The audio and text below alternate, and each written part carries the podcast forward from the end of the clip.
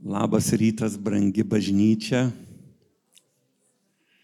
Tikrai kūdikių ir žindomųjų lūpomis viešpats paskelbė apie savo jėgą savo priešams. Aš tiesiog ašaros tryško, kaip gera, kaip baisu stovėti Dievo akivaizdu, iš tiesų šventas. Todėl iš tiesų neužkietingim savo širdžių, bet priimkim tai, ką jis paruošęs ir viešpatie duok malonę ištransliuoti tai, ką tu esi įdėjęs. Jėzaus vardu. Siunčiu jums sveikinimą nuo Petro. Skaitau. Sveikinimai ateiviams, pasklidusiems Klaipėdoje, Vilniuje, Kaune, visoje Lietuvoje ir pasaulyje, pasiekiamiems internetu, išrinktiems iš ankstinių Dievo tėvo numatymų, dvasios pašventinimu, kad būtų klusnus ir apšlakstyti Jėzaus Kristaus krauju. Te padaugėja jums malonė ir ramybė. Skaitykit pirmą Petro laiško pradžią. Tūkstančiai metų nieko nereiškia. Ir atstumai nieko nereiškia. Va tai, kas iš Dievo, tai yra gyva, tikra, pranoksta visą kūrinijos ribas ir, ir siekiam žinybę. Vakar, už vakar buvom stovykloj ir mačiau žmonės, kai kuriuos pirmą kartą. Ir dabar matau žmonių pirmą kartą. Bet va, su kuo teko pabendrauti, ta pati dvasia, ta pati širdis, ta, tas pats troškimas, tas pats viešpats. Taip gera būti šeimoje namiškio tarpe. Tai mano pamokslo tema, jau Tomas minėjo Aivaras, esu iš Vilniaus, Petro čia laiško perdavėjas. Tai mano tema, tai pavadinau, brangi nuolankumo dovana. Arba kodėl tikintiesiems atsitinka nelaimės. Dievas juk davęs pažadus. Jeigu paskaityt pas pakartoto įstatymą 28 skyrių, ten ištisai, jeigu klausysi, paklusi mano balsui, pažiūrėkit, kiek visko pažadėta. Dabar Jeremijo 29 skyrius 11 eilutė, jeigu galima rašto vietą. Ten e, viešpats sako, aš žinau, kokius sumanimus turiu dėl jūsų, sako viešpats.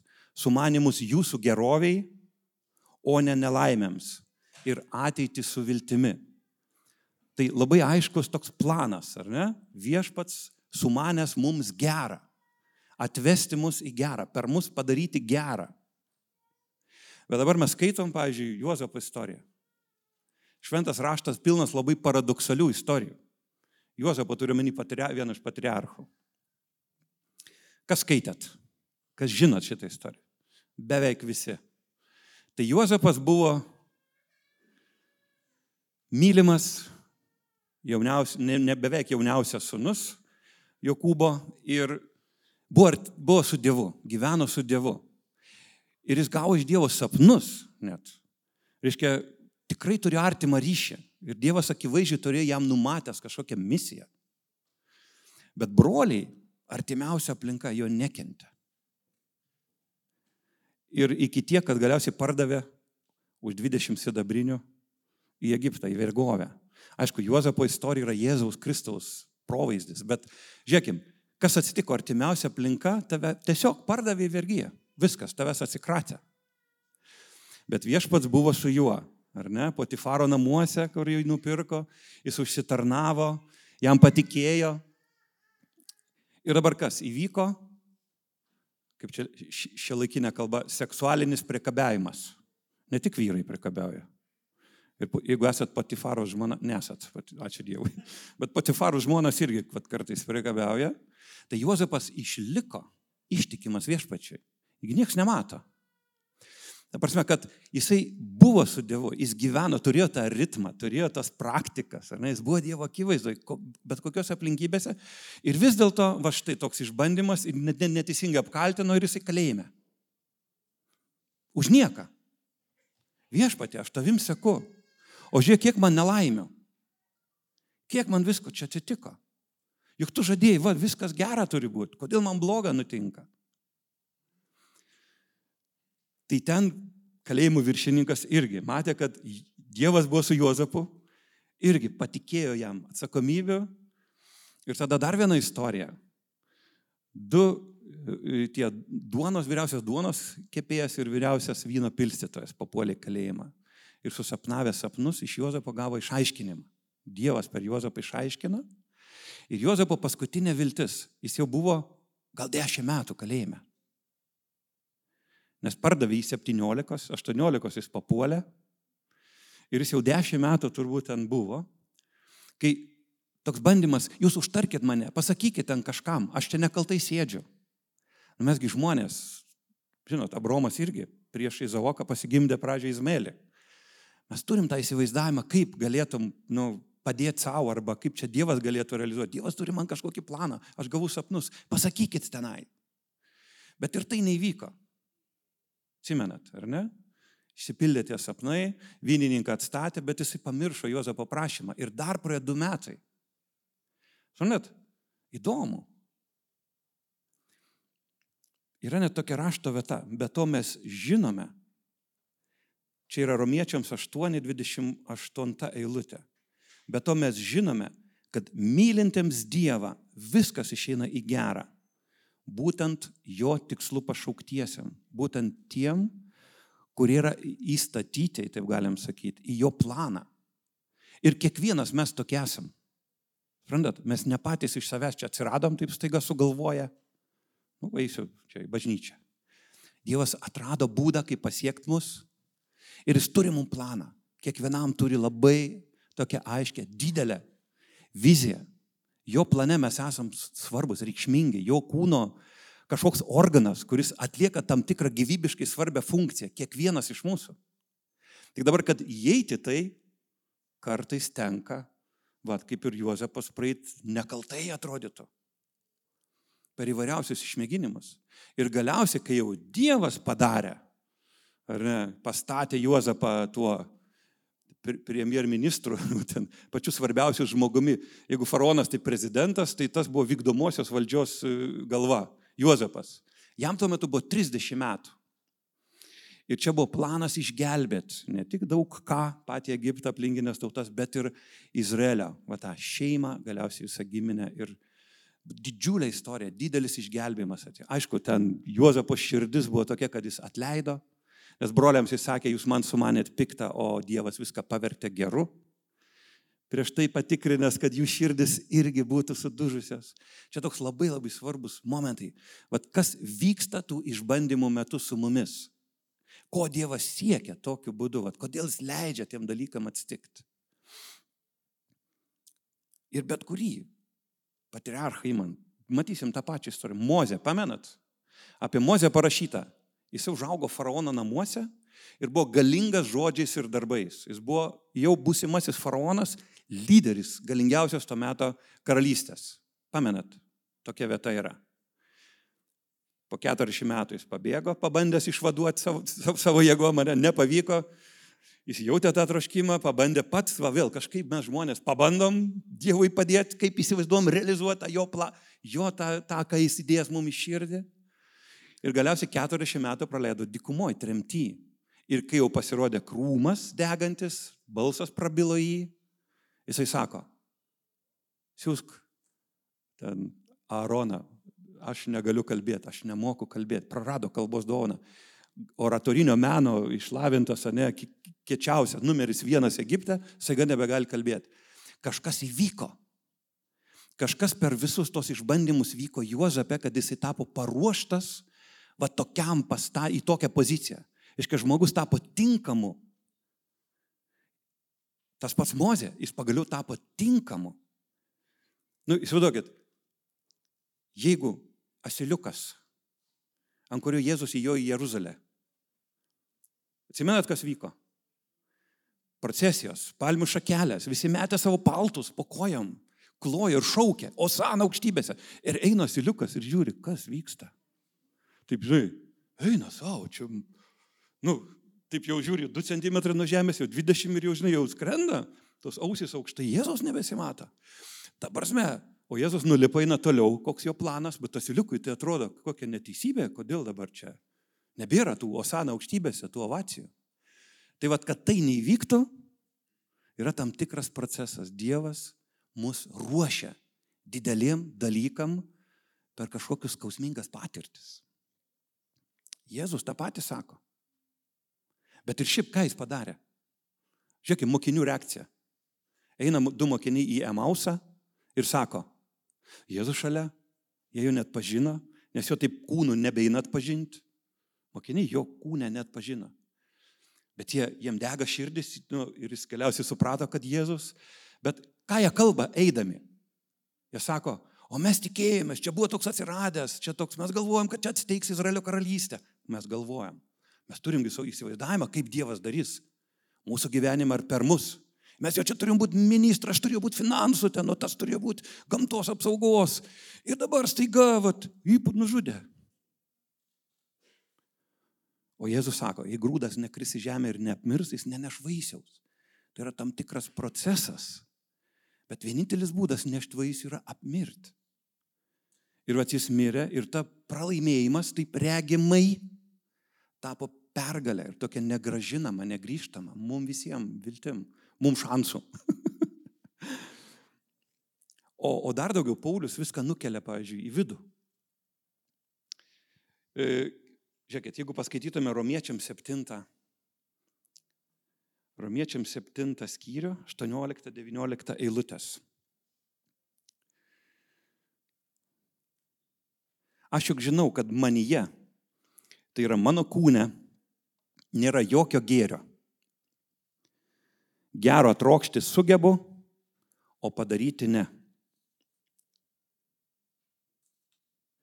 Aš nedarau gėrio, kurio trokštų, o darau blogį, kurio nenoriu.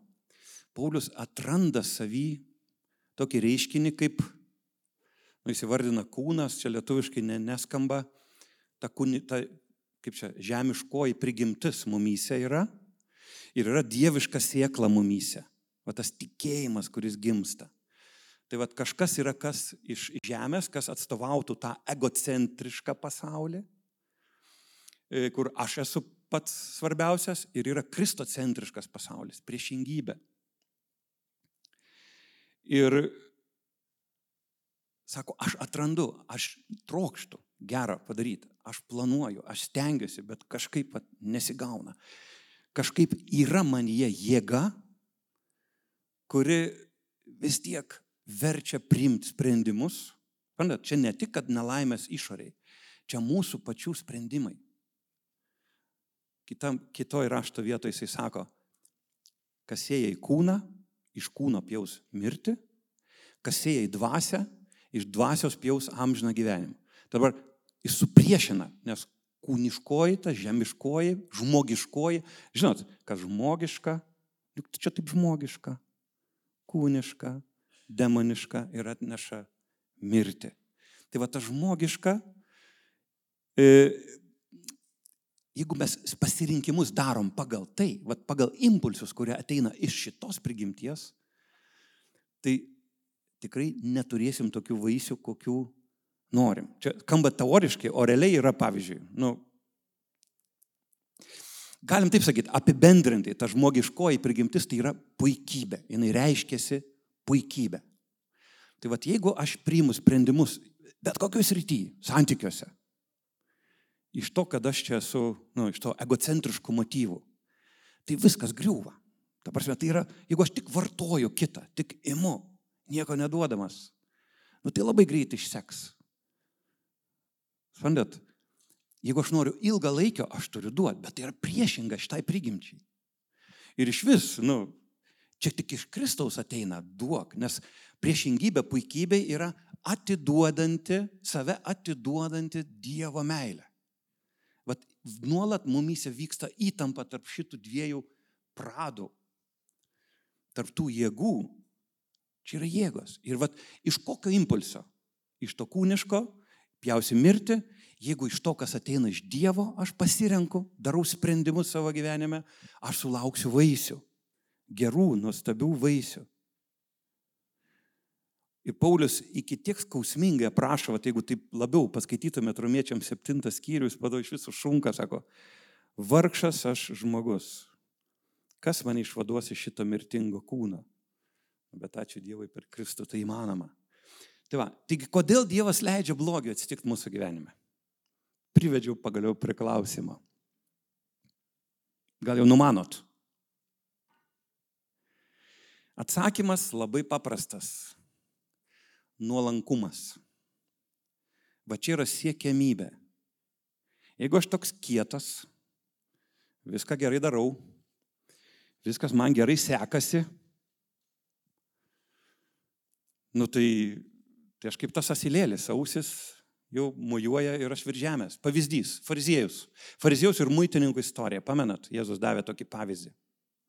Sako, atėjo muitininkas į bažnyčią, sakytume, ne, sinagogą, atsistojo, tos visus kutus nuleido, kad visi matytų, nu kaip dera, nes jau užtarnauti visi medaliai ir sako, ačiū tau viešpatie, kad tu man leidai va tą rutiną, tas dvasinės pratybas daryti, turėti ritmą tinkamą ir aš viską darau, kaip tavo įstatymę skrupulingai, ne tik rūtų, krapų, mėtų ir ten visokių kitokių centų ir mikrocentų, viską padarau. Ačiū tau. Ne taip kaip tas va muitininkas. O ties muitininkas toks netobulas sako, viešpatie, atleisk man nusidėlį. Ką čia tokio sako? Bet Jėzus komentaras. Nu, vienas gisten, kaip ir sunus palaidūnas, ne? Vienas buvo tas gerėtis, viską gerai darė, kažkodėl nelaimingas gyvenimą neturėjo neapkentė to, o kitas viską išvaistė. Irgi, nei vienas nepataiko į tą vidurkį. Tai dabar fariziejus atrodo tarnauja Dievui. Įmanoma net tarnauti Dievui, ne iš to motyvo. Suprantat? Iš tos kūniškos, kad patenkint savo ten kažką, garbės troškimą, pripažinimą ten, būtų reikšmingu. Ane, mano natūra tokia žvaigždė, manęs neina nuvaryti nuo scenos. Aš esu priešingybė. Man daug kainuoja ant tos scenos užlipti. Bet ir toks gali susireikšminti. Kiekvienam, čia, čia to, suprantat, puikybė yra toks, kaip čia pasakyti, tokia nuodėmė, kurios nesimato. Nu, paleistuvis, nu matau, vagia, nu matau, meluoja, nu mataugi. Matosi. Alkoholikas, nu tai jau matosi.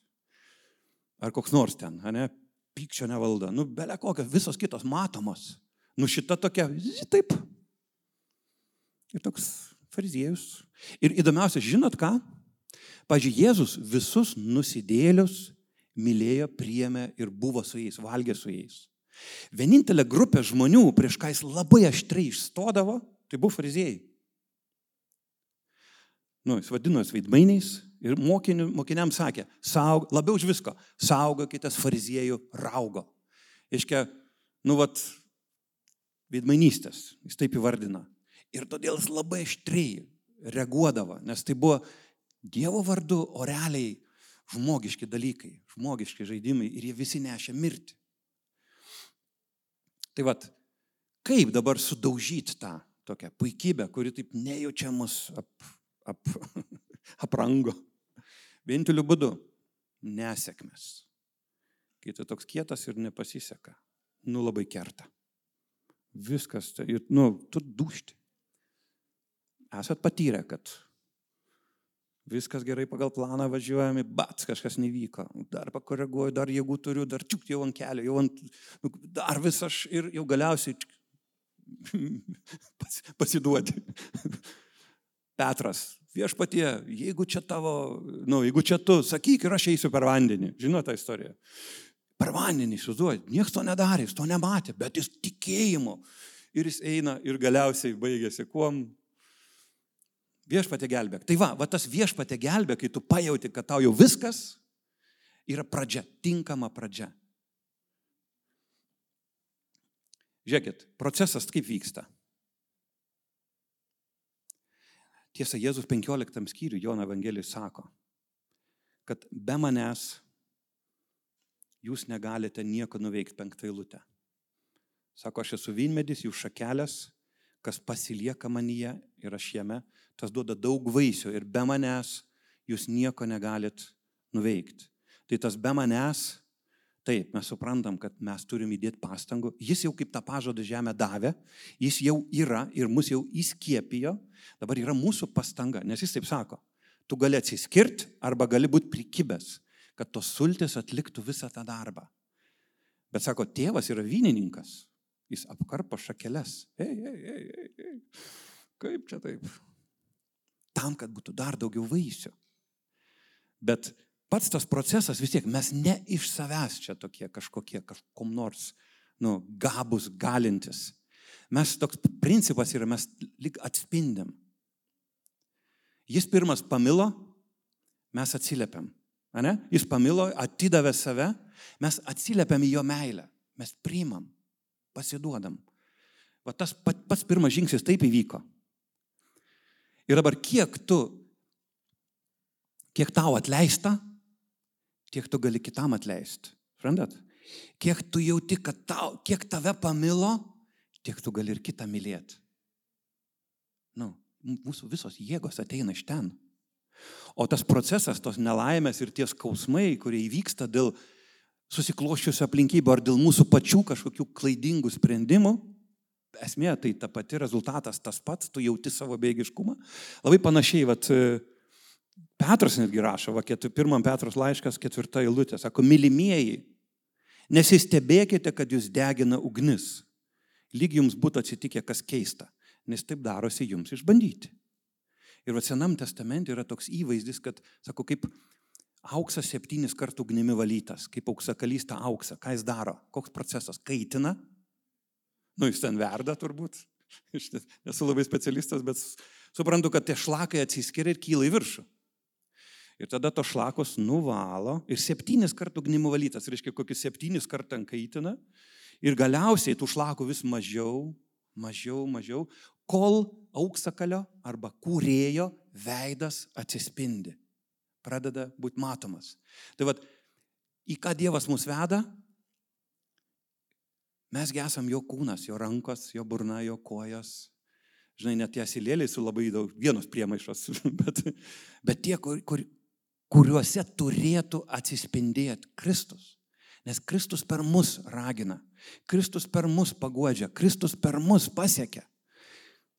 Randat, žiūrėdami į žmonės, e, pašaliečiai, į pirmuosius tikinčiuosius, kur Antiochijai turbūt, ar ne, sakė, jie tokie kaip Kristus, kas reiškia krikščionis.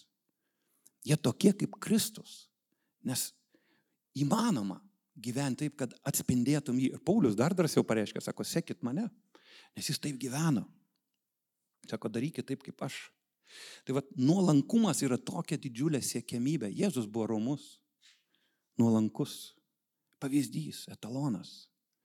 Įsivaizduokit, Dievas, atrodo, nu, mūsų supratimu, tai jau karalių karalius, prezidentų prezidentas, su armijų armija turi ateiti čia visi, nu, žmogiškai. O jis atėjo ir tarnavo, jis atėjo ir mirė. Sako, kas nori būti didžiausias, tegul būna mažiausias, kas nori būti pirmas, tegul būna paskutinis. Čia jo žodžiai. Ir jis tą įkūnio, tą įvykdė. Tai vad nuolankumas yra visų darybių. Taip kaip tas išdidumas yra nuodėmių šaknis. Ne pinigų meilė, visų nuodėmių šaknis, o puikybė. Tai vad tas nuolankumas yra visų darybių šaknis. Gyvybės medžio kamienas, taip sakyčiau. Ir žiūrėkit, dar vienas labai įdomus toks įdomi vieta. Paulius jis įskundžiasi, to aš piškai detaliau gal paskaitysiu, sako, Ah. Žodžiu, jisai kalba apie persekiojimus. Persekiojimų kontekstai jisai sako, viešpats davė man dyglį, kad aš, kur ten tiek matęs, tiek buvęs, tiek visko jau žinau, iki trečio dangaus paimtas ir visoks kitoks antžmogis, nepasididžiuočiau, neišpuikčiau, viešpats man davė dyglį iš šoną, kad jis nuolat mane smūgiuotų.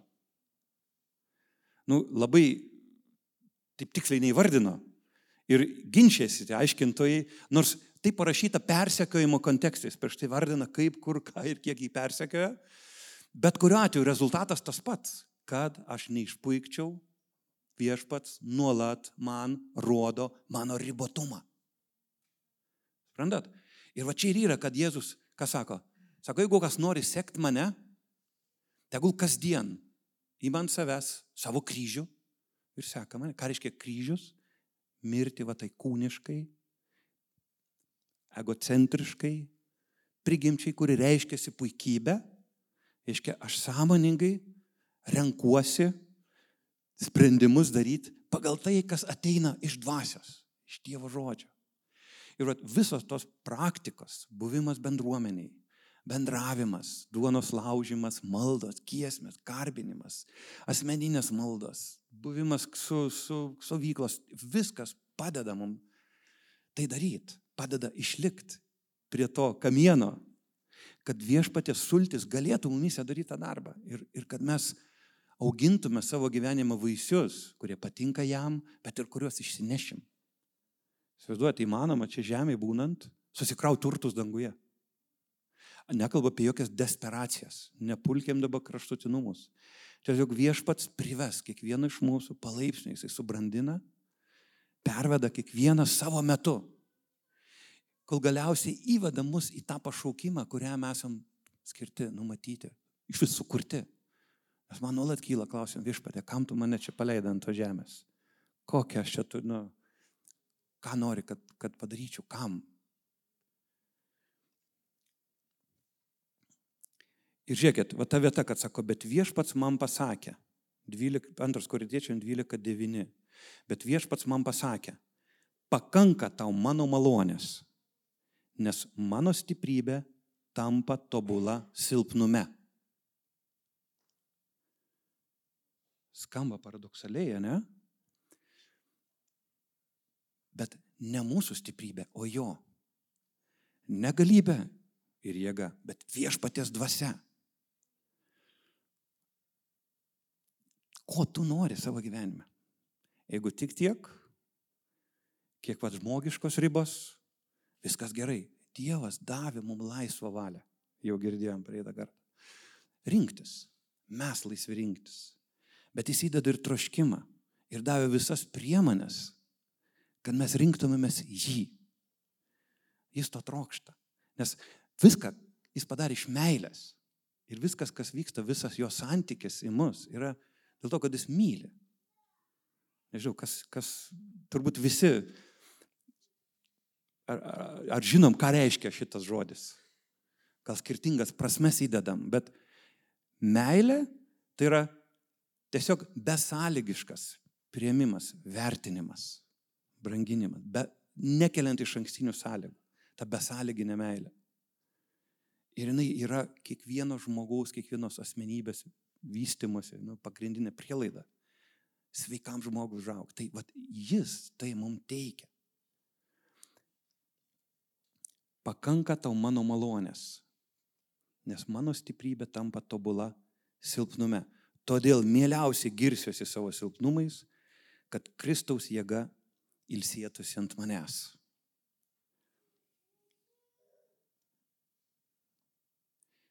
Ir pabaigti norėčiau Steveno Fartik žodžiais.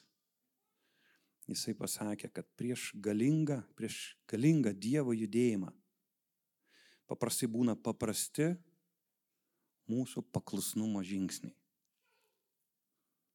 Maži dalykai, kažkur ten slaptoje, kur niekas nemato, bet viešpats atlygina viešai. Ir visas tas darbas nėra tikslas mums būti sėkmingiam, o tikslas yra dušt.